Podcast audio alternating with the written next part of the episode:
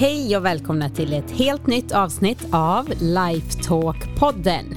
Med mig Karin Haglund, kost och hälsocoach och min man Anders Haglund, transformativ mental coach. I den här podden får du svara på frågor inom personlig utveckling och mental hälsa. Hur du lever ett bättre liv helt enkelt, inifrån och ut och blir den bästa versionen av dig själv.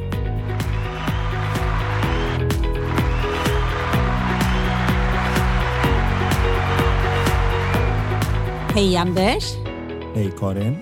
Hur mår du denna fina morgon? Jo tack, jag mår ganska bra. Härligt! Jag har inte sett det än eftersom jag har smittit iväg på yoga tidigt, tidigt. Ja, så är det ju. Sitter fortfarande i mina yogakläder. yogakläder. Så är det när man får springa in och podda i studion så fort som möjligt när man kommer hem sig. Mm. Nej, men du hade ju lite coachningar och så sen så att vi passar på nu innan din första coaching. Ja, Nu Så god jag morgon har kommit från hej. att ta hand om barnskjutsning till skola och annat. ja, Mm, så är det. jag är väldigt tacksam. Det är mina bästa månader. Två dagar i veckan går jag ner och yogar på Kärlan som min eh, fina vän Ulrika driver. Det är så lyxigt för det är, men vad kan det vara, En- 200 meter? Ja, det är något sånt. 200-300 meter. Väldigt skönt. Så då kör man, ja, vi är väl borta i alla fall i två timmar. Så kommer man hem, då har ni precis åkt. Det är faktiskt också lite skönt att få en lugn start på morgonen. Jag vet inte hur era, ni som har barn, hur de är, men våra är ganska högt och lågt. Och det är fel byxor eller ja, Ja, det kan vara det intensivt på morgonen. Ja, det var det även denna morgon. En som vägrar komma upp, eh, en som är tidig, eh, alltid tidig. Det är Colin. Mm. Han sitter alltid, han liksom borstar tänder. Alltså han sköter sig, han säger inte så mycket heller. Det är mer eh, LOD och Vince som eh, är, tar lite mer energi om man säger så.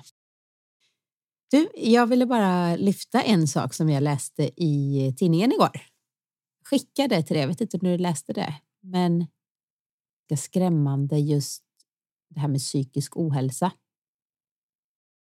Nästan hälften av alla sjukskrivningar beror på psykisk ohälsa.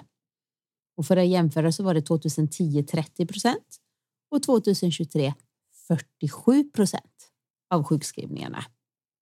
Ja, om vi tittar än längre tillbaka i tiden så såg jag en undersökning som visade att den nivå av stress, om du nu vill kalla det mental ohälsa ihop med ångest och annat, som en medel 12-åring upplever idag hade klassats som psykiatrisk sjukdom på 50-talet. Så saker och ting går snabbare och snabbare. Det händer mer och mer. Vi är inte riktigt evolutionärt gjorda för att ta hand om den mängd av information som vi ska hantera varje dag. Så det har sina utmaningar och den andra undersökningen som jag såg var ju det här att två av tre anställda upplever nu en så hög nivå av stress att de är seriöst oroliga för sin hälsa. Vilket var ett av skälen till att jag adresserade det här i att brinna utan att bränna ut sig. Som föreläsningen som jag då tog fram som ett gensvar på just det. Jag såg att det här är ju Mm. extremt förhärdande och många som står inför den utmaningen. Och mycket av det beror ju på att vi har lite oskyldiga missförstånd om hur vi människor fungerar. Vi tittar väldigt mycket på hur vi borde vara och ganska lite på hur vi faktiskt är så att vi kan linjera det med ett sätt som får livet att gå ihop och där vi också har vårt välmående med oss. Nej, men alltså det här är så viktigt, så tänk, tänk sånt eh, så viktigt jobb vi har, Anders. Både med den här podden och med jag menar, så, alltså, dina föreläsningar, coachningar och även faktiskt skulle jag säga jag som jobbar mer med fysisk hälsa för att det hänger väldigt mycket ihop med den maten som många äter idag. Så kan man bara, alltså det kan man också säga är en stress för kroppen om man inte äter så bra mat och har man obalanser i hormoner, signalsubstanser och så vidare så det blir också en stress. Vi är ju en och samma. Allting påverkar. Ja, det är ganska fascinerande hur läkare ibland kan, som när jag följde med någon idrottare som då tyckte att axelsmärta och knäsmärtan inte var relaterad. Och jag tyckte ju att det kan väl inte bli mer relaterat än att det pågår i samma person. Och ibland missar vi ju det här att vi så att säga en varelse, en människa dygnet om vad vi än annars håller på med. Det är inte många som vet om det här, men just nu dör fler arter på jorden än vad det gjorde efter då för 65 miljoner år sedan när en stadsstor sten trillade ner någonstans utanför Mexiko och alla dinosaurier dog ut och allt annat som inte man kan säga att allt var stört, stort och varmblodigt fick problem när solen blev skyddad och växter dog ut och så vidare. Så krokodiler och sådana klarar sig för de är kallblodiga och kan vara utan mat ett år och så vidare. Och små, små varmblodiga saker kunde klara sig på att bara plocka lite grann av det som fanns kvar, men större saker dog ut. Och det blev ett enormt massutdöende som gick ganska fort. Men vi har ett större massutdöende just nu på grund av miljön. Men det som inte många vet om är att det största massutdöendet som man nästan har hittat är i vårat mikrobiom i våran tarm. tarm.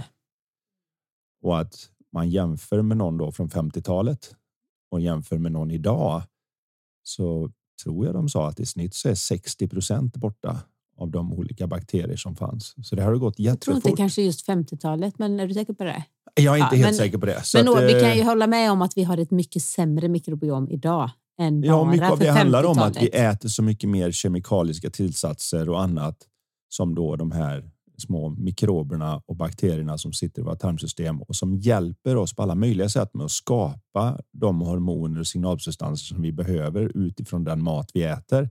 Och antiinflammatoriska fettsyror kan de bilda. Ja. Alltså vissa goda bakterier. Men saknar man då dem, då är man mer benägen att få eh, kroniska inflammationer och så vidare. Ja, och det signalerar även via vagusnerv och annat upp till hjärnan gör även att vi har vissa svårigheter vad det gäller vår kognitiva förmåga. Och jag vet att det här låter lite mästrande och det här är inte den muntraste start på en podd. Nej, det var det haft, verkligen inte. Nu blev det Hoppas serious. alla känns inspirerade och glada. Nu hoppas ni vill fortsätta lyssna. Det blir bättre. Ja, jag hoppas ju på det. Men ibland måste man faktiskt ta upp de lite svårare delarna också. Och det här är en sak som jag ibland säger till de klienter jag jobbar med och ju högre IQ man har, ju svårare är det att tycka något annat än att det här är fånigt. Men om man gör rätt så blir det inte fel. Det finns för mig då som jobbade som golfproffs en gång i tiden. När man ska slå en liten putt på en green och den är värd någon miljon eller vad det nu än är. Så är det ju så här att det finns egentligen bara ett sätt som den går i på. Det är att den har rätt fart och rätt linje. Och är det rätt fart och rätt linje så går den i lilla hålet. Och sen finns det miljarders, miljarders, miljarders sätt att slå den lite för hårt, lite för löst, lite fel riktning. Det finns hur många sätt som helst att få den att inte gå i. Men det är vi inte intresserade av om man är proffs. Man är intresserad av det sättet som den går i på. Om vi nu pratar om mikrobiom och må bra och så vidare så finns det några saker som verkar gälla för alla åtta miljarder människor på planeten. Där vi vet att det här är så att säga rätt fart och rätt linje det är att vi behöver komma ut och röra på oss. Vi behöver. Jag tror vi behöver vara mycket mer i naturen också, apropå ja, mikrobiom. Alltså, vi är ju inte gjorda att bo så sterilt så att säga, som vi gör idag. Och det visar sig också att de som är uppfödda på bondgårdar och annat har inte alls lika mycket allergier och annat, fast man kan tycka att de utsätts för mycket mer mikroorganismer och annat. Liksom, men de har alltså färre allergier än de som bor i, hemma i stan så att säga och där mamma och pappa torkar av med antibakteriella grejer på diskbänken varje dag och så vidare. De får alltså fler problem än de som utsätter sig för de här mikroberna som vi är gjorda för.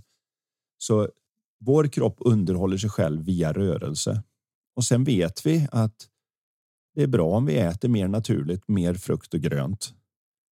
Och vi vet också att det finns vissa naturliga sätt att förhålla sig till sitt eget sinne och sitt egen tankeverksamhet som är det som jag då pratar om en hel del är att titta på. Okej, okay, men jag förstår alla problem som folk har. Det finns miljarders miljarders problem som så att säga inte går i det lilla hålet om vi pratar golf. Mm. Men det finns några gemensamma faktorer som om vi håller på dem så blir det rätt. Och då tycker en del att ja, men det är för generellt. Du kan inte säga det. Det är så olika för olika människor. Ja, men vi är en kolbaserad livsform på planeten jorden. Utan vatten klarar vi oss inte. Vi måste få i oss vätska. Utan vissa näringsämnen klarar vi oss inte. Det vet, vet man från när sjömän åkte ut och upptäckte att om jag inte får till mig C-vitamin så får jag skörbjugg och får jag inte till mig den här vitaminen, B-vitaminet så får jag det här problemet och så vidare och så vidare och så vidare. Men om jag då gör så att jag får i mig de sakerna så att jag så säga gör rätt. Jag får rätt linje och rätt fart för att nu fortsätta. De har i alla fall bra förutsättningar. Då har du gjort vad du kan och det är ganska stor chans att det blir bra. Nu är detta svårare och svårare i den tid vi lever där det räcker att gå ut genom dörren så är det gummipartiklar från alla bilar som kör förbi på vägen. Det är avgaser från både då bilarna och från fabriker och från allt vad det är och det är textilfibrer från våra kläder. Nu är vi ännu nu mer. Vi ännu nu drar vi loss här. Ja, nu drar vi loss. Men det innebär ju inte att vi kan ändå inte ta kontroll över det som vi inte som vi inte kan har kontrollera. kontrollerat. Men vi Nej. kan ta hand om det vi kan och kroppen är så fantastisk att om vi ger den en chans så överkommer den det mesta. Och det, det är lite spännande tycker jag då när man tittar på principerna bakom vad som får det att bli rätt istället för att diskutera allt som kan gå fel. Och just att man förstår sambandet mellan att både alltså den fysiska hälsan har en direkt inverkan på den psykiska hälsan och den psykiska hälsan har en direkt inverkan på den så att säga fysiska hälsan. För det är ett och samma. Så börjar man med lite mera kosttillskott eller liksom optimera sina näringsnivåer i kroppen och komma ut och röra sig och så vidare så kommer det påverka psyket och vice versa. Himla intressant. Nu har, det blev ju lite deppigt där kanske. Men och det hela började med att jag hade läst det här äh, att det var så många som var sjukskrivna. På grund av just det här. Och, det, och då stod det, det roliga var i den här artikeln så stod det inte så mycket att, alltså det stod väldigt mycket om att vad det kostade. Ett antal miljarder hade ökat bara från, från 2021 till exempel då. Ja, och även så påverkade ju den, de som är sjukskrivna deras ekonomi. Och, och jag tänkte bara direkt, ja, jag, jag förstår, det är jättestort. Men hallå, vi pratar livskvalitet. Vi pratar hur det påverkar eh, den här personens alltså, umgänge, lyckonivå. Eh, det är jättetragiskt. Det är inte bara en ekonomisk fråga. Jag tror att det blir lätt att prata om ekonomi därför att den är så enkel att kvantifiera och mäta. Mm. Det är ju lätt att säga att någon liksom, hur går det för dig? Ja, det går väl okej. Okay. Kan få se ditt senaste utskrift av ditt bankkonto så kan man mäta det och det är lite jobbigt och så där vidare. Men det gör också att det blir en väldig fokus på de bitarna. Det är ju allt man hör när man pratar med chefer som jag gör en hel del så är det ju det där som åh, och den här månaden så har vi tre stycken som är mammalediga och två stycken som var sjuka och en som vabbar och alla går på knäna. Det gör ju en del för hela arbetsstyrkan och allt det där. Det förstår man ju, men det är ingen som tittar bakåt. Det är ju den här gamla historien om läkaren som går jämte en flod och så hör han då någon som skriker ute i floden. Liksom, hjälp, hjälp, jag drunknar. Och en läkare som bryr sig om människor och så vidare tar en titt på det där, kastar av sig kavajen och hoppar i och drar upp den här människan. Ger dem liksom första andningshjälpen där. Och precis när de är klara med det så gör de två nya rop. Och så hoppar de i och drar upp båda dem med en heroisk insats och kör stereo uppväckning på de två. Och så precis när de är klara med de två så är de fyra nya rop. De hoppar i och lyckas på något vis få upp alla fyra. Och precis då så är de åtta nya rop. Men de är så upptagna med att ge första hjälpen på alla som har det jobbigt att det är ingen av dem som funderar på borde jag inte gå upp för floden och se vem sjutton det är som kastar i dem? Vi går inte upp och tittar på vad, är, vad, vad, vad kommer det sig att det är så många som blir så stressade just nu? Vad kommer det sig att det är så många som mår så dåligt just nu? Det är ingen som tittar upp där utan man tittar på effekten nere i floden och säger oj vad det kostar pengar. Oj vad det är jobbigt för alla. Mm. Vi måste anställa fler eh, psykologer eller fler det här och vi måste. Men, men istället för att precis backa bandet. Ja, och se lite hänt? grann på vad är, vad är det som har skiftat så mycket. Vi ser ju det om vi tittar på till exempel rent fysiskt då med övervikt och annat så ser vi hur det startade i USA med att de börjar äta väldigt mycket mer processad mat att de sätter i saker som ska göra att du inte får signalen som säger till att nu har du ätit färdigt. och så börjar de rulla omkring och sen så kommer Hollywoodfilmer och coola människor och det är reklam för alla de här märkena som jag inte ska nämna för då blir man väl stämd eller något i dessa tider. Men det finns ett antal snabbmatskedjor och annat som sen propagerar ut över hela världen för man tjänar mer pengar på det och så sprider sig beteendet och så blir andra runda på exakt samma sätt. Då är det ingen hemlis hur det gick till. Nej.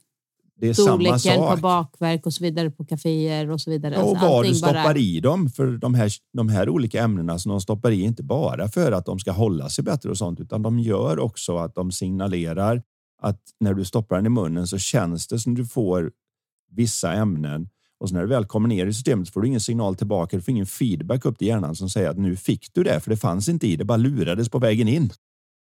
Och det gör att du kan fortsätta äta och äta och äta och äta och äta och äta, men det kommer ingen stoppsignal för du har inte. Det är inget i systemet som säger nu har du till med magnesium, nu har du tillräckligt med selen, nu har du till med järn. Nej, de hijackar ju hjärnan. Liksom. Det finns ju de som jobbar med att ta fram bara exakt de här kombinationerna som är oemotståndliga. Och också så kan man mäta det här hur belönande en viss mat är. Det finns olika så här. Och då, du får alltså någon form av alltså dopaminpåslag av att äta det. Och då tänker jag att människor som mår psykiskt lite sämre är ju mer mottagliga för den maten. För det ökar tillfälligt. Eh, Förstår du? Belöningen i skapar det- hjärnan. Det, är, Framförallt skapar det ett beroende därför att om du upplever, och det spelar ingen roll om det är sant eller inte, men om kopplingen blir att när jag åt den där maten så mår jag lite bättre så kommer jag varje gång jag mår lite dåligt springa och äta den maten. För att hjärnan har nu kopplat ihop. så gör man det kan, lite på automatik. Jag, kan, jag har nu fått för mig att jag kan styra mina känslor och framförallt bli av med mina obekväma känslor genom att göra en viss sak. Sen spelar det ingen roll om det är ut och springa eller om det är att äta något eller om det är att titta på eh, x antal TikTok-videos som stör ut mig tillräckligt för att det känns som att jag mår lite bättre tillfället. Jag blir, det blir ett beroende. Ett beroende är alltid ett oskyldigt missförstånd om varifrån mina känslor kommer. Och kopplar då ihop fel sak med vad det är som faktiskt funkar så blir det lite grann som att försöka styra sin bil med backspegeln. Och bara för att jag vred på backspegeln och bilen svängde åt det hållet så är det lätt för hjärnan att tro att ah, jag gjorde så, den svängde däråt. Alltså det hör de två ihop. Men nästa gång jag drar i backspegeln så får jag inte samma effekt. Och då slutar inte folk dra i backspegeln utan de försöker dra mer i backspegeln. Så Och då, hårdare och och oftare. till slut så går man till en överdos. Till slut går backspegeln av. Ja, då går backspegeln av och det vet vi ju. Internskämt. Men i Ja. varje fall. Så nu har vi inte svarat på så mycket frågor. Vi har Nej, rantat loss här om dinosaurier och massutdöenden. och och så blev det, det blev värre och värre. Men nu vill vi få in lite hopp här och också lyfta fram några utav alla era frågor som ni har skickat in.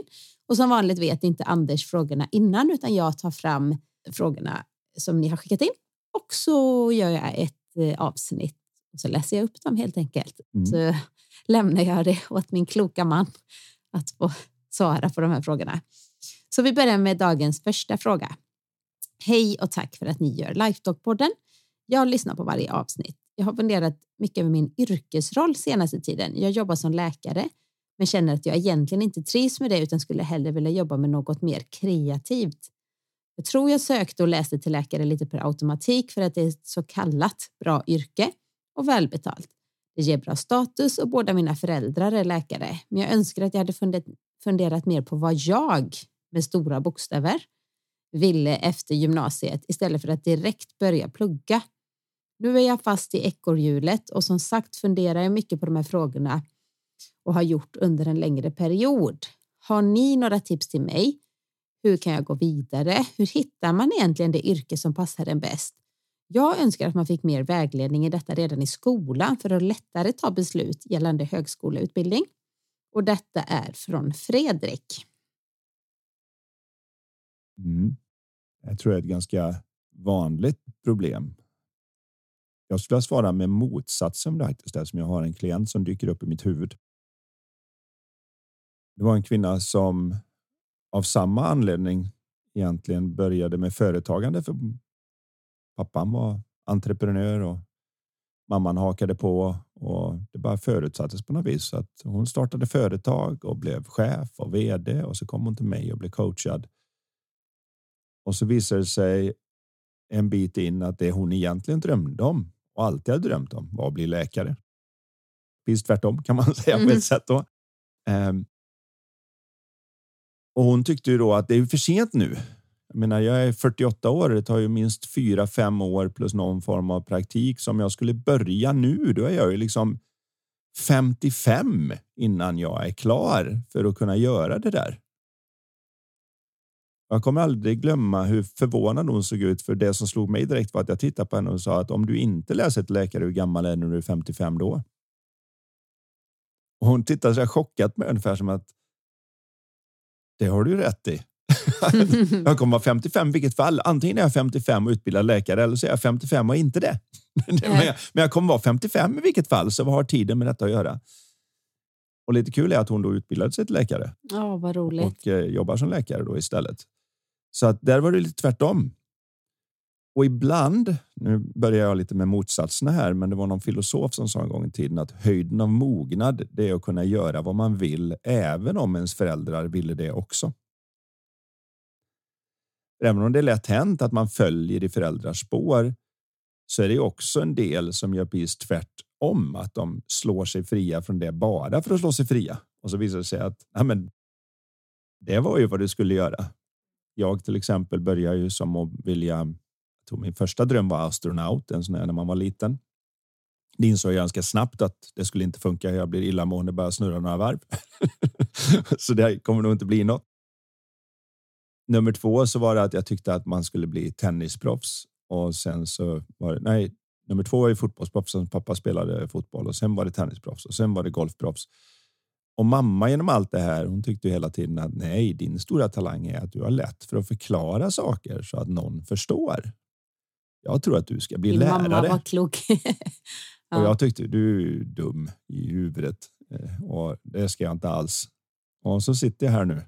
Jag vill inte påstå att jag är lärare kanske. Men jag men... kan säga att du är väldigt bra på att förklara komplexa saker. Och det, det, är inte jag, för jag förstår dem inte själv. Jag får bara, just det, vad var det Anders sa nu när jag frågade hur är det 17 radio, hur kan jag lyssna på radio? Jag fattar inte. Ja, just det. Och sen så, hur kan man höra när jag pratar med min bästa kompis, hur kan jag höra det? Just det, det ettor och nollor eller ja, kommer, du hör ju, jag kommer inte ens riktigt ihåg, men när du förklarade, just då i alla fall så är det ah, och det är fortfarande komplext, men du gör det så mycket enklare. Så det är ju ett exempel då på hur jag nu gör det, precis som min mamma tyckte att hon ville för att hon kände till mig. Men jag tyckte att jag har mycket bättre idéer om det. Men precis som den här frågan säger också så tycker jag att vägledning i skolan handlar alldeles för mycket om var kommer jobben finnas? Nu vet inte jag hur mycket det har förändrats, men jag har hört i varje fall när jag har pratat med ungdomar och så att det fortfarande i viss mån är så att man säger om fyra år så tror vi att det kommer vara många som får jobb som programmerare eller det kommer vara många som får jobb som social media managers eller det kommer vara många mm. som får jobb som så satsa på det. Det är väldigt lite. Vad brinner du för? Vad, vad får liksom dig att pirra till lite i maggropen? Sen kan det vara många olika sätt att få ut det på. Man måste inte få ut det på ett specifikt sätt, men det, det, det är någonting allmänt där man gillar det. Och ofta har man, är man ju ofta väldigt bra på det också. Det behöver inte vara liksom världsbäst på något sätt, men man har en naturlig fallenhet för att det är liksom i alla fall man gör det ganska enkelt. Och grejen är att om jag tar någonting som jag verkligen brinner för och börjar jobba med det, då kommer jag lägga mycket tid där. Bara för jag dras dit lite mer automatiskt och lägger jag mycket tid så kommer jag bli duktig och blir jag duktig så gör så att säga världen plats för dig så då kommer du att kunna förtjäna ditt levebröd. Du kanske inte blir världsbäst, du kanske inte blir miljardär, men du jobbar med det som du tycker är det roligaste som finns och du tycker det är kul att gå upp på morgonen och någon kommer uppskatta det jobbet som du gör för att du är duktig på det. Och det är ju, tycker jag, högsta vinsten. Sen Vi har ju pratat om det flera gånger ha... att för min egen del så är det ju så här att jag skulle vilja stå på en scen och föreläsa om folk. Och mycket av det tror jag jag egentligen var ute efter då när jag tänkte på det här med tennisproffs och fotbollsproffs och golfproffs och allt det där som jag var inne i vad det gällde sport. Det var själva pulsen och det där, men jag märkte att det får jag ut när jag ställer mig på en scen framför 500 pers. Eller... Alla applåderar. Nej, inte bara det att man applåderar Nej, och så, utan men det, det är någon känsla av den här. Det är någonting med att vara framför folk och göra det, göra något och få till det. Så det behövde inte komma ut. Vad jag försöker få fram här är att det behövde inte komma ut just genom att vara golfproffs eller det, det, var något mer djupare som jag gillar som kanske andra inte gillar. För det är väldigt många som tycker jag kan inte tänka mig något värre än att kliva upp som då när vi var i Amsterdam framför 3500 pers eller vad det var. Mm. Och, så på och där du är nervös åt mig. Ja, jag försökte ja. ge dig lite nervositet. Nej, jag Nej, men du förstår vad jag menar. Du, ja, ja, du var nästan nervösare skulle... över tanken på att jag skulle göra det än jag var ens nära att vara. För att jag tycker det där är lite häftigt. Du älskar det. Jag gillar det. Jag har inga det, redan från början så var det inte som att oj vad hemskt utan det var mer åh vad kul. Här upptäckte jag att här har jag min naturliga lite ja, så, talang. Där, där har man lite av den och det, för att återigen ta några när man kan säga det bättre själv så är det bra att låna från någon som redan har gjort det bra. Och Einstein sa ju det där med att alla människor föds med genialitet. Men om du bedömer en fisk för dess förmåga att klättra så verkar alla vara idioter. Och och det är ju sant, för när fisken simmar så är den grym. Mm. Och jag upptäckte första gången jag egentligen ställde mig och gjorde en liten föreläsning och jag var supernervös för jag hade ingen aning om att det här var något som var för mig. Utan tanken på det var jättehemsk första gången också. Det var inte. Uh, det var ju från skolan och redovisningar och bli bedömd och mm. jättehemskt. Och sen började jag och så upptäckte jag wow, här är jag som. Här är jag som en fisk i vatten. Här var det jättelätt för mig att ta frågor och komma på något och jag hade suttit och skrivit och förberett i veckor för jag var så nervös över detta och jag sa. Jag sa nog inte ett enda ord av det jag hade skrivit ner. Nej. Utan det kom något Tänk annat. Tänk att du fick chansen att göra den första, annars hade du aldrig kanske märkt. Alltså, då hade du hittat något annat yrke eller en annat sätt där du hade antagligen fått utlopp för samma kvaliteter.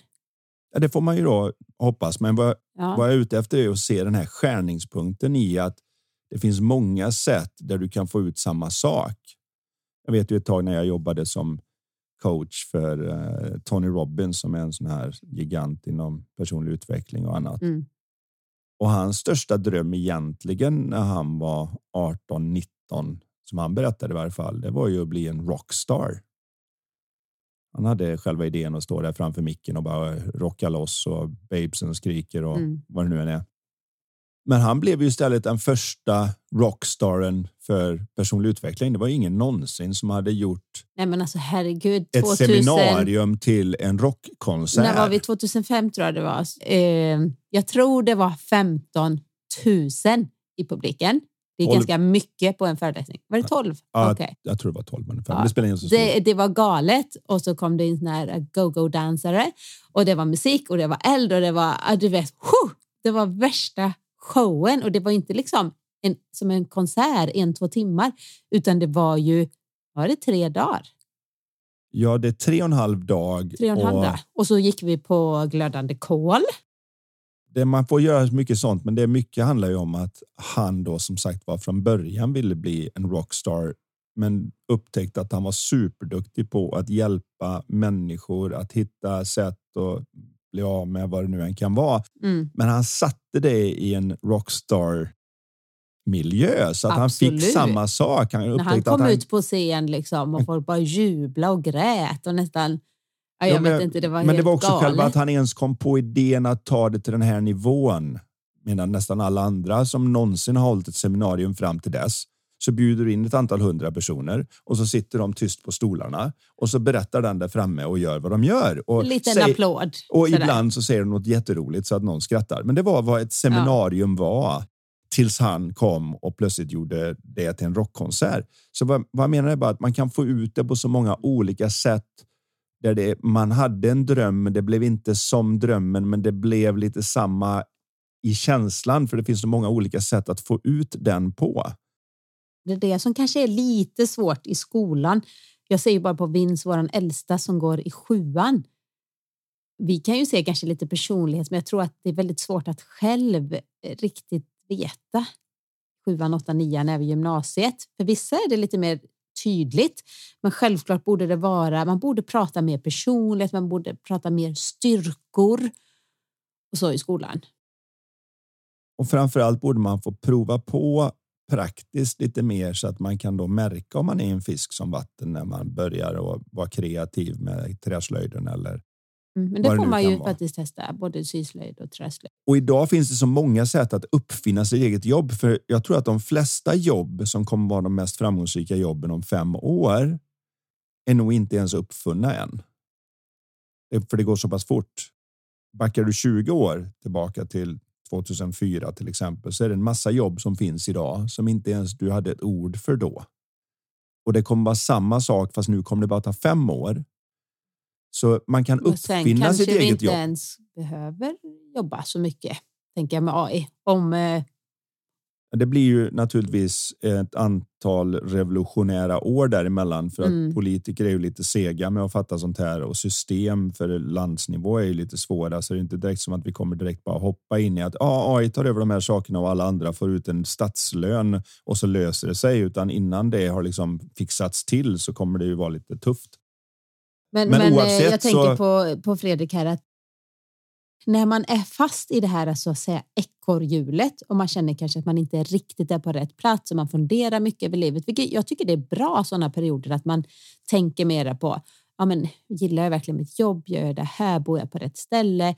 Och så vidare. För att det, det är en form av reflektion som jag tycker generellt sett vi saknar idag. Jag skulle önska att alla lite får en liten stund av reflektion varje dag. Att man skapar det.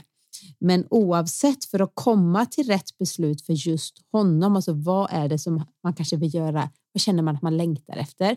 Det kan vara så enkelt som att man börjar med någon fritid, alltså gör någonting på fritiden som man bara känner sig dragen för. Men att ens kunna höra lite mer sin egen röst så krävs det oftast att man kanske slow down.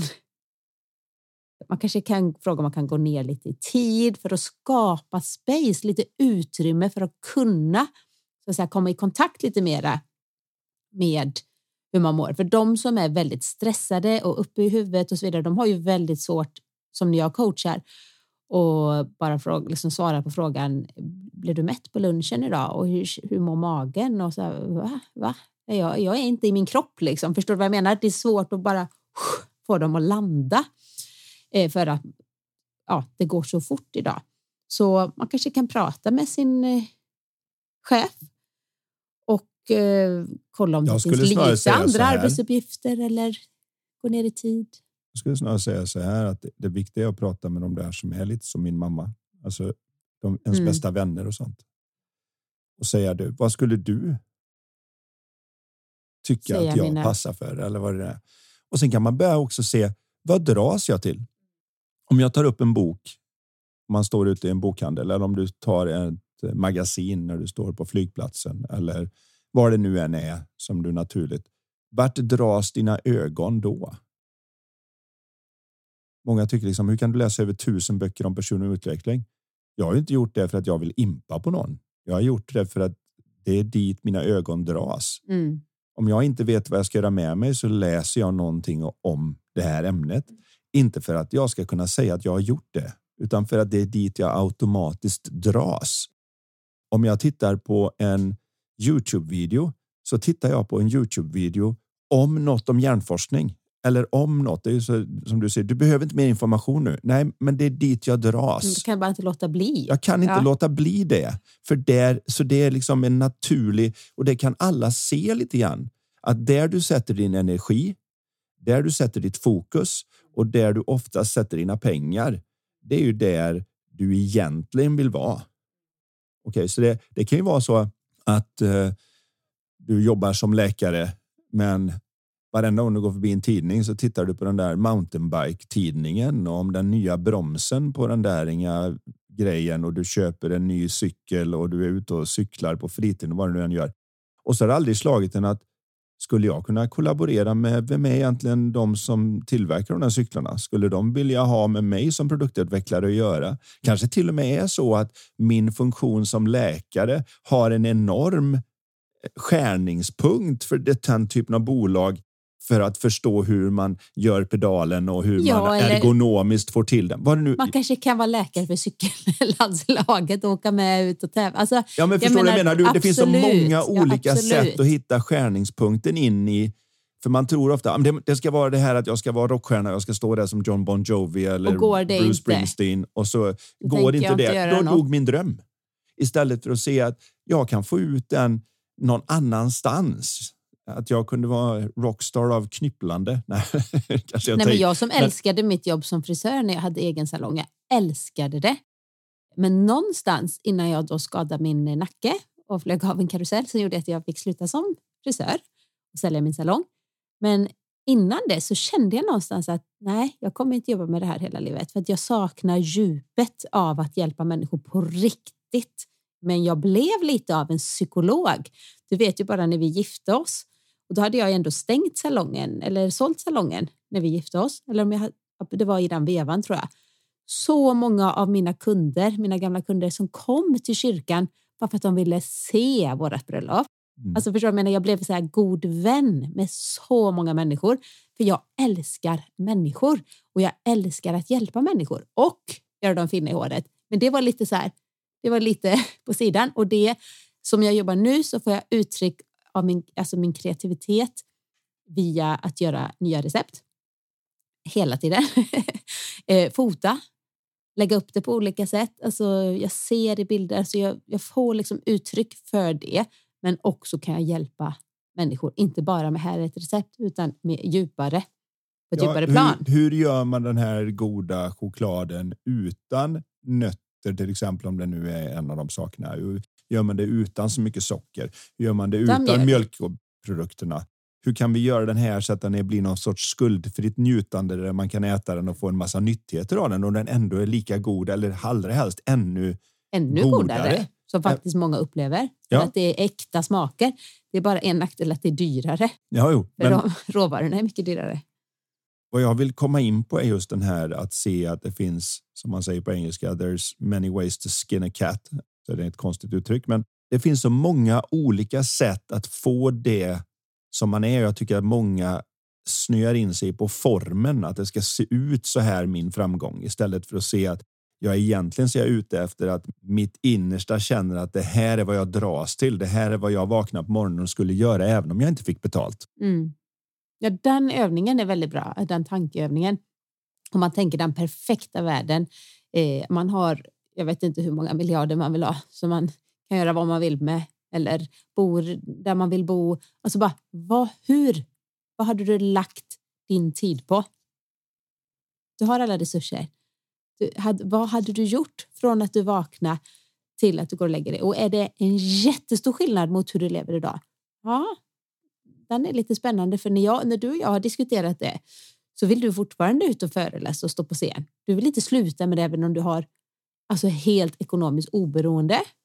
Nej, om och de skickade på mig hundra miljarder spänn så hade jag nog mera funderat på hur jag ska skala den här typen av hjälp så att man kunde nå lite fler än man gör bara genom att ha sin lilla podd och sitt coachbrev och sina föreläsningar och det här, utan det är fortfarande det som ligger i linje med vad jag vill göra. Och den är så viktig bara att man stannar upp någon gång då och då och funderar. Det var någon filosof återigen då som gillar ju att låna av människor och det var någon som sa så att det är fascinerande hur många människor som önskar sig evigt liv som inte ens vet vad de ska göra med sig själva på en regnig söndag eftermiddag. Mm. Vad ska du göra med mer sådana dagar när du inte vet vad du ska göra med en av dem? Och då kan man också fundera på det. Om jag inte bara hade obegränsade resurser, utan jag kanske till och med hade obegränsat med tid. Jag vet att jag ska inte dö. Jag ska leva i hundratusen år. Vad ska du göra med all den tiden? Hade du bara hoppat omkring och försökt hitta the perfect beach genom hela världen? Eller hur länge hade du orkat med det innan du tyckte det var jättetråkigt? Vad hade varit något som är mera? Det här hade jag velat göra när jag vaknar på morgonen. Som i Fredriks fall här då. Det finns många olika sätt att vara kreativ på. Det går Verkligen. att så att säga vara extremt kreativ med den kunskap han har, oavsett om det innebär att skapa en blogg där man tar ett helt nytt sätt att titta på det eller om man medan man hjälper sig själv att göra ett yrkesval som är helt nytt dokumenterar sin egen väg genom det och hjälper en massa andra som är i samma sits. För det är väldigt många som är i samma läge där de funderar över livet, inte vet vad de ska ta sig till. Är det här allt det ska vara liksom? Mm. Så bara genom att ta en Absolut, liten funderare menar jag över Tvärt emot det man gör utan kan vara till och med inom detta fast bara på något helt nytt Annat sätt. sätt. Ja. Jag träffade, eh, jag jobbar ibland och hjälper eh, på Brämhults gård heter det och jobbar med deras event. Brukar jag gå in och hjälpa till och då var det en eh, kille jag jobbar med som jag inte hade träffat innan som var polis. Vad heter det när man är typ kriminolog kanske? Eller så här, de, de värsta brotten eller liksom riktigt så där knark och allt möjligt. Eh, nej, men, Oj, nej, men knark, nej, men alltså, och, nej, men inte bara knarket. Det lät ju, men Det alltså, ju det, men okej, riktigt. Ja. Men Grov han var nu eh, typ lärare på, på Polishögskolan som vi har i Borås och insåg att det här var ju jättekul. Och kände sig liksom, det har allt det han hade varit med om kunde han nu då liksom, i en, en helt annan roll. I som två helt alltså, skilda yrken fast ändå samma. Och det tänker jag, Fredrik, man kan börja fundera om det finns någonting inom det man är. Överhuvudtaget så handlar det mycket om att titta inåt och känna vad är det jag dras till? Var, var lägger jag mitt fokus om jag inte har något annat för mig? När jag är på semester, vad gillar jag att läsa om? Vad gillar jag att tänka på? Vart drar jag mig när jag går iväg och vill titta på någonting? Är det att jag går och tittar på hus och arkitektur? Är det att jag vill gå på ett sportevent? Vart, vart hamnar jag liksom utan att jag tänker mig för? Och där brukar det vara ganska uppenbara ledtrådar på vad som då skulle vara något som jag skulle kunna då försörja mig på. Jag hade en annan eh, kvinnlig chef som hade drömt om alltid att vara proffsdansare, men det var ju inte någonting som många kan göra. Jag vet inte hur många som kan försörja sig på det i världen, men det är inte supermånga som har något eh, liv. Så det blev att hon använde den disciplinen till att liv. vara i företaget och så vidare. Ja, men det är lätt Ja, men jag fattar vad du menar, att man kan skada en- försörja sig. Ja, precis. att du är, Den att är du är så liksom lång, prima karriären heller. ballerina och du, eller du jobbar på Broadway eller du är liksom och du är en av de där starsen som inte bara får stå i background och bara klara dig från check till check till check. Liksom. Mm. Att verkligen försörja sig, det är, det är inte helt enkelt. Och hon hade då istället startat företag och det visar sig nu då att hon hade en fråga om det här då. Att hon sa det att jag känner ändå att det är något som saknas inne i själen för det är det jag vill göra liksom. Men då hade hon ju varenda semester. Hon hade, det var i stort sett varför hon jobbade som vd. Det var ju något som hon gjorde nästan som ett nödvändigt ont som hon såg det för att få ihop pengarna. Hon råkade vara duktig på det, men tyckte inte det var så kul egentligen. Så varje semester det handlar ju om liksom att åka ner och till Argentina och dansa på klubbar och åka till Sevilla. Och hon gillar den typen av liksom in och göra det autentiskt så men sa, men när du gör det så med tanke på ekonomiska resurser så kanske du är en av de där som bor lite bättre och så. Ja, vadå då? Nej, men du tror inte det finns andra i världen som skulle vilja in och ta den typen av resor? Vill jag åka och faktiskt veta var de klubbarna ligger som är på riktigt och inte bara turistfällor och ändå bo bra och äta bra och göra det finns. Jag tror det finns en grupp människor som skulle vilja så att säga turista i din värld. Det skulle kunna bli en hel business liksom. Och då kan du ju jobba med dans fast du inte är dansare. det finns så många olika, alltså bara förslagen lite grann runt omkring och se att det finns så många olika sätt att nära det som varje person har i sig. För vi är ju Mm. inte annorlunda från en kull med valpar där man kommer och tittar och så visar det sig att det är en liten valp som hoppar över kanten och springer ut och utforskar och en som ligger och gnyr i ett hörn och, Eh, och så vidare. Och så vidare. Och det är ju inte som att någon av de valparna är sämre. Är du en barnfamilj så vill du inte ha den som ska ut och utforska för den kommer vara jättejobbig att ha hand om. Och alla skulle haft en plats i flocken där de skulle vara. Och ibland så är det som att vi tittar oss omkring och säger jag vill vara någon annan än den jag är. Istället för att se om jag kan ligga i linje med det, men jag kan hitta små olika sätt att ligga i linje Precis. med det för att jag är människa. Jag behöver inte bara så att säga göra vad hundar och vargar gör. Jag, som människa kan jag hitta tusentals sätt att fortfarande ha rätt fart och rätt linje som jag pratade om i början där att gör man rätt blir det inte fel. Mm. Även om det kan se ut som en strikt envägsbit så kan det fortfarande vara många olika vägar in till den vägen. Och där tror jag kanske Fred kan hitta någonting där man börjar fundera på det. Jag tror också de pedagoger som jobbar i skolan skulle börja titta mer på och se vart tar det här barnet naturligt vägen när de går ut på sin rast eller när de är på fritids eller vad, vad är det liksom? Och då kan man tro, att har de spelat boll? De vill säkert bli fotbollsproffs. Ja, men det kanske har någonting att göra med att det är roligt att röra på sig och springa och jaga någonting. Det kanske har någonting med den fysiska förmågan och kreativiteten över att hitta på saker när man dribblar. Det måste inte komma ut att jag ska bli en av de få som spelar i Barcelona eller vinner Champions League och är Zlatan eller någon annan mm. sån här. Tar vi honom som exempel så var han en av de bästa i världen men fick inte vinna Champions League som är liksom målet för alla de här. Så men det är faktiskt som du, du säger det här med att om man kan se lite mer hur man levde när man eller hur man levde, hur man var när man var liten och kanske kan fråga sina föräldrar. Hur var jag egentligen? Och då tänker man efter hur man var när man var med kompisar. Jag kommer till exempel alltid på idéer. Vi ska, ha, vi, ska vi ta en dansuppvisning idag? Ja, sa alla. Vad kul! Hur ska vi? Ja, men då måste vi ha biljetter. Och så, så strukturerar jag upp så här, för att jag gillar att komma på idéer och ordna events eller komma på kalas och det är teman. Det är liksom. konstigt att du är duktig på att ordna våra event, eller hur? Ja. Nej, men och då, precis. Och då har man hamnat där man helt plötsligt arrangerar ja, ledarskapsresor och events. Och, och det var ju jättebra då. Men de hade kanske inte blivit förvånade som jag lekte med. Som, ja, men du hade ju så mycket idéer. Om just den här Om just det. Men däremot så skulle de nog bli väldigt förvånad om jag hade sagt att om man träffar någon på stan eller så, vad gör du? Jag är typ, jag vet inte, vetenskapsman. Vetenskapskvinna vetenskapsman. Då hade de blivit väldigt förvånade. Just det. Jaha, har du genomgått den? Nej, du behöver inte genomgå någonting nu mer. Du behöver bara definiera det som ett ja, annat okay, kön ja, Okej, okay, så kan det vara.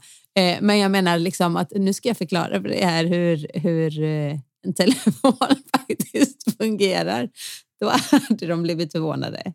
Mm, det hade varit en liten sån från vänster. Ja. Men jag hoppas att det här svamlandet på något ja, vis kan hjälpa svamlande och Fredrik väldigt om... långt svar på en fråga. Så vi hinner bara, vi får ta en eh, kort fråga här till och det handlar om sömn. Hur kan jag få bättre sömn? Vad gör jag när jag inte kan somna? Jag är avslappnad men somnar helt enkelt inte. Är det så, när det, när, eh, är det, så det blir när man passerat 70? Mm. Här finns det ju människor som är bra mycket större experter än vad jag är, även om jag då dras dit och läser böckerna och tittar mm. på Youtube-videos och annat. Nej, vi är inga sömnexperter, men vi kan en hel del om det. Ja, jag vill framhäva det här då. En av de saker som är definitiv är att med åldern så saknas en del av förmågan att göra vissa som melatonin och annat som gör att det blir lite svårare med insomnandet. Det är lite svårare med att nå ner i djupsömn och det är lite svårare att få ut hela sin sömn. Det vi vet om vi då går tillbaka till starten av det här där man säger okej, okay, om man gör rätt så blir det inte fel så är det en väldigt stor skillnad på att vara mentalt utschasad och gå och lägga sig, vilket man kan vara när man suttit framför datorn i åtta timmar och svarat på mejl och kommit på idéer och vad det nu kan vara. Det kanske man inte gör när man är 70 plus. Nej, men, men, men det är också en väldig skillnad mot det och att vara till exempel åtta timmar i skidbacken eller åtta timmar på golfbanan eller åtta timmar ute i naturen och hajka och sen gå och lägga sig. Därför att via rörelse och som vi då är gjorda för att underhålla kroppen, där vi då på något vis när vi fysiskt tar ut oss så får vi mer av alla de signaler som säger att nu är det dags att vila och sova. Så en av de saker som händer när man blir äldre och det har vi ingen aning om i den här frågan, men det är ju ofta att man på grund av att det kanske ömmar i något knä och det är lite annat sånt där eller att så, så är man inte fullt lika fysiskt aktiv. Och det gör också att det blir lite klurigare. En annan sak som alla gemensamt tycker är ju det här med att om vi kan hålla någorlunda regelbundna tider och även om vi inte sover ligga mellan de tiderna så till slut ställer kroppen på något vis in sig på att japp, jag går och lägger mig klockan tio och jag vaknar klockan sex till exempel. Mm. Och om jag går och lägger mig där vid tio tiden och inte går upp förrän sex, även om jag är rastlös, och ser det som att det ligger och vilar i sängen, vilket kan kännas väldigt långt, så börjar kroppen ställa in sig på vissa tider och det har också visat sig då att det är ett av dem. Och där har ju vi också lite olika tider, vilket är lite spännande. Men Ja. hitta sin tid. Men generellt så kan man säga att ju tidigare egentligen man kan, helst där vid innan 10 eller 10. För, för jag vet inte om det är en skröna, men jag har läst väldigt mycket om det och också skrivit faktiskt om det i mina böcker, att det sägs i alla fall att timmarna innan 24 ger liksom mycket mer effekt om man säger så.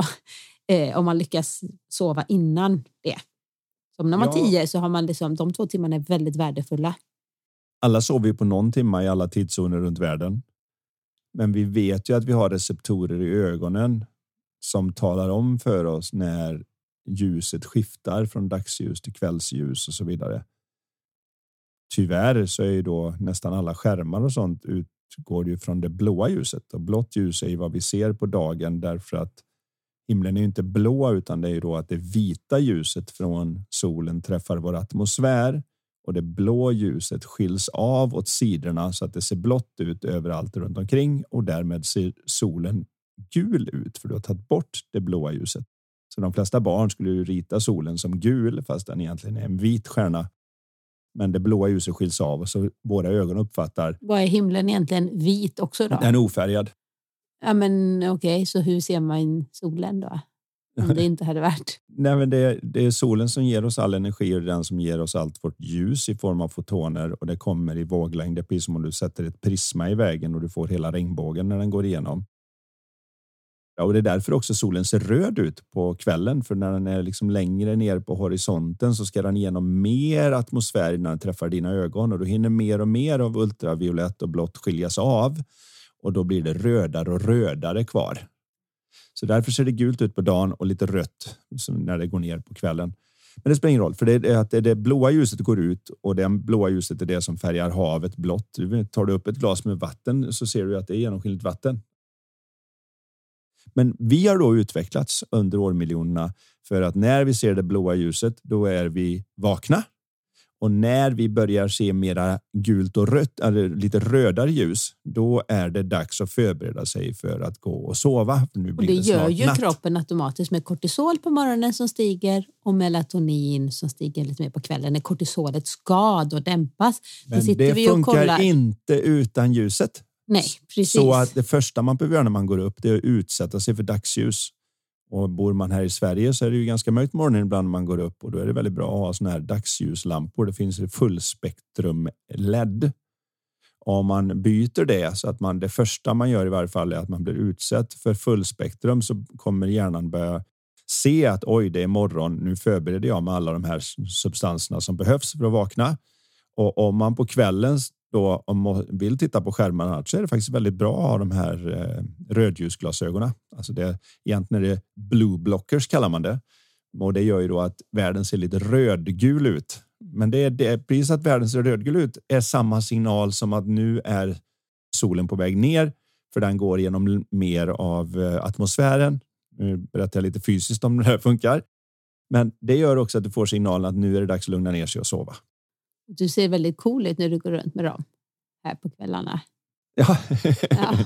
ja, man ser lite rockstar ut Ja, där. lite om vi ska gå rockstar. igenom, eller hur? När man har på sig Lite sina cool så. röd och orange tintade glas som gör att man får bort det här. Men, men, jag, men jag skulle också säga en väldigt viktig grej som det kan hända att den här personen har koll på. Det vet inte jag, men eh, det är ju många som inte har det. De dricker sitt kaffe och de fikar och de dricker sitt kaffe. Men koffein ger en så att säga falsk pigghet.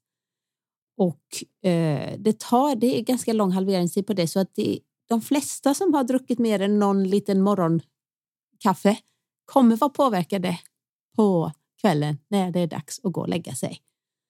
Så om man kan minska det, och jag brukar säga aldrig efter lunch. Och om man är känslig och har sömnproblem, då skulle jag säga max en kopp på morgonen. Jag dricker inte kaffe själv, eh, men jag skulle säga Det gäller ju faktiskt mörk choklad och lite te och lite annat sånt här också så vi inte bara snöar in oss på kaffet. Även om kaffe är mer är Men som, tänk då, nu tror jag inte den här 70 plus att de dricker så jättemycket energidrycker, men jag tänker om vi nu pratar sömnproblem och barn och ungdomar. Herregud vad jag vill bara ut och förbjuda alla energidrycker. Det hade jag gjort om jag hade haft de där miljarderna. Jag hade banne mig jag hade köpt upp alla företag och bara pff, Nu skulle då alla barns telefoner stänga av TikTok ja, det skulle och annat jag. Och jag skulle åtta. bli så omtyckt, förstår ni? Hon, Då skulle jag inte bara haft, våra barn säga att du är skjuten. dum, då skulle alla tycka att man var dum. Sen. Ja, verkligen. Nej, men det är någonting jag verkligen så här, jag, ty- jag tycker är fruktansvärt. Men sen så det är lite intressant också faktiskt att sömnbehovet minskar när vi blir äldre. Ja. Vi har inte heller så att man behöver inte ha så här. "Åh, Jag sover inte åtta timmar. Vi behöver inte vara stressade över det, det minsta, utan vi har inte lika stort sömnbehov. Vi, vi anstränger oss inte lika mycket. Vi ska inte bygga riktigt lika mycket nya muskler. Vi ska inte bygga lika mycket nya neuroner i hjärnan. Det är inte Nej. riktigt lika mycket som pågår eh, för en hel del. Men genom att hålla sig nyfiken, Mm. igång fysiskt, hålla lite jämna tider och eh, ta en liten titt på det här med, med vad jag stoppar i mig. Många säger ju att du sover mycket bättre om du inte äter något efter klockan sex i alla fall. Så du har ett antal Precis. timmar emellan. De flesta säga, tänker jag kan inte somna om jag inte får äta precis när jag går och lägger mig. Nej. Men tre, fyra timmar är i alla fall inget större mål på minst tre, fyra timmar. Alltså som man har låtit det gå tre, fyra timmar. Om man nu är jättehungrig eller någonting, om man tar en frukt eller alltså en banan eller lite mandelmjölk. Det här är ju eller sånt någonting. som vi kan säga som de flesta överens om. Oavsett om vi nu pratar en sån som Andrew Huberman på sin podcast Lab där han tar in sömnforskare och andra. Ja. Så vi hoppas att det kan i varje fall ge någonting för det, de här enkla små tricksen är ju just framförallt också fysisk aktivitet så mycket man nu klarar av att göra. Är det jobbigt för knän och annat så kan det faktiskt vara lite bra att skaffa sig en liten stationär motionscykel eller någonting som kanske är lättare för Eller gå och leder. simma. Eller gå och simma eller på något vis i varje fall se till att man håller igång mer fysiskt. Även om det ofta känns som man kanske vill vila eller något. Men det hjälper till mycket och sen eh, de här andra bitarna. Jag skulle bara vilja på. snabbt tipsa också om, för jag vet att om man eh, söker upp Anna Sparre och så typ, jag vet inte vad den heter, men hon har liksom en, eh, en övning och man kan lyssna på den. Jag tror den bara är några minuter och jag vet inte hur många procent, om det var typ så här 70 procent somna inom fem minuter. Nu, jag, jag kommer inte Ja. ihåg statistiken där, men jag tycker hon är väldigt kunnig och hon har spelat in den. Och det handlar ju egentligen lite också om, om avslappning, men att liksom hamna i kroppen och så vidare. Men då kan man kanske testa och googla och lyssna på den.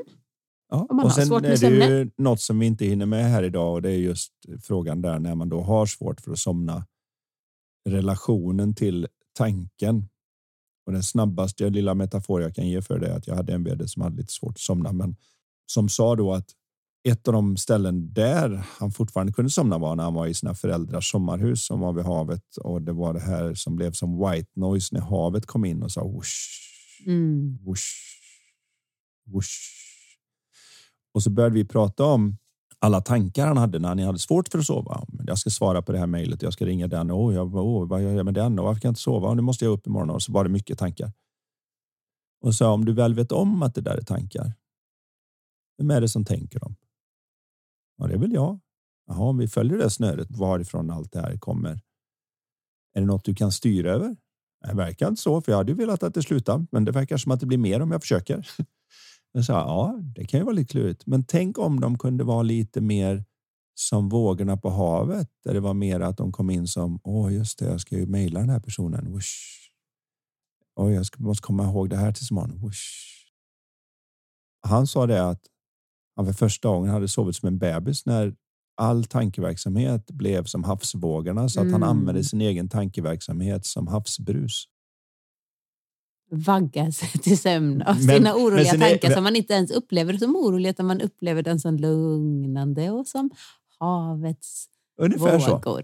Ja, men vad fint. Jätte, jättebra.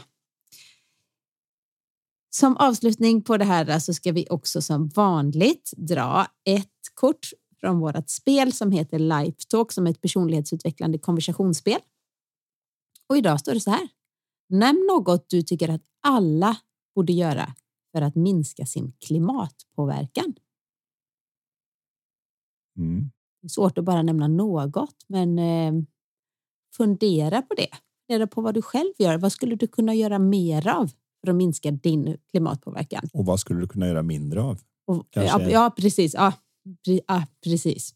Ofta innebär ju det vad man Ofta ska är göra ju så, mindre. men det kan också vara kanske att man behöver göra vissa saker lite Börja mer som är bra. Att sopsortera eller åka till återvinning. Men alldeles oavsett så lämnar vi det till kreativiteten där ute. Absolut. Och, Och tusen ser- tack för idag. Tack Anders för ett alltid lika roligt avsnitt.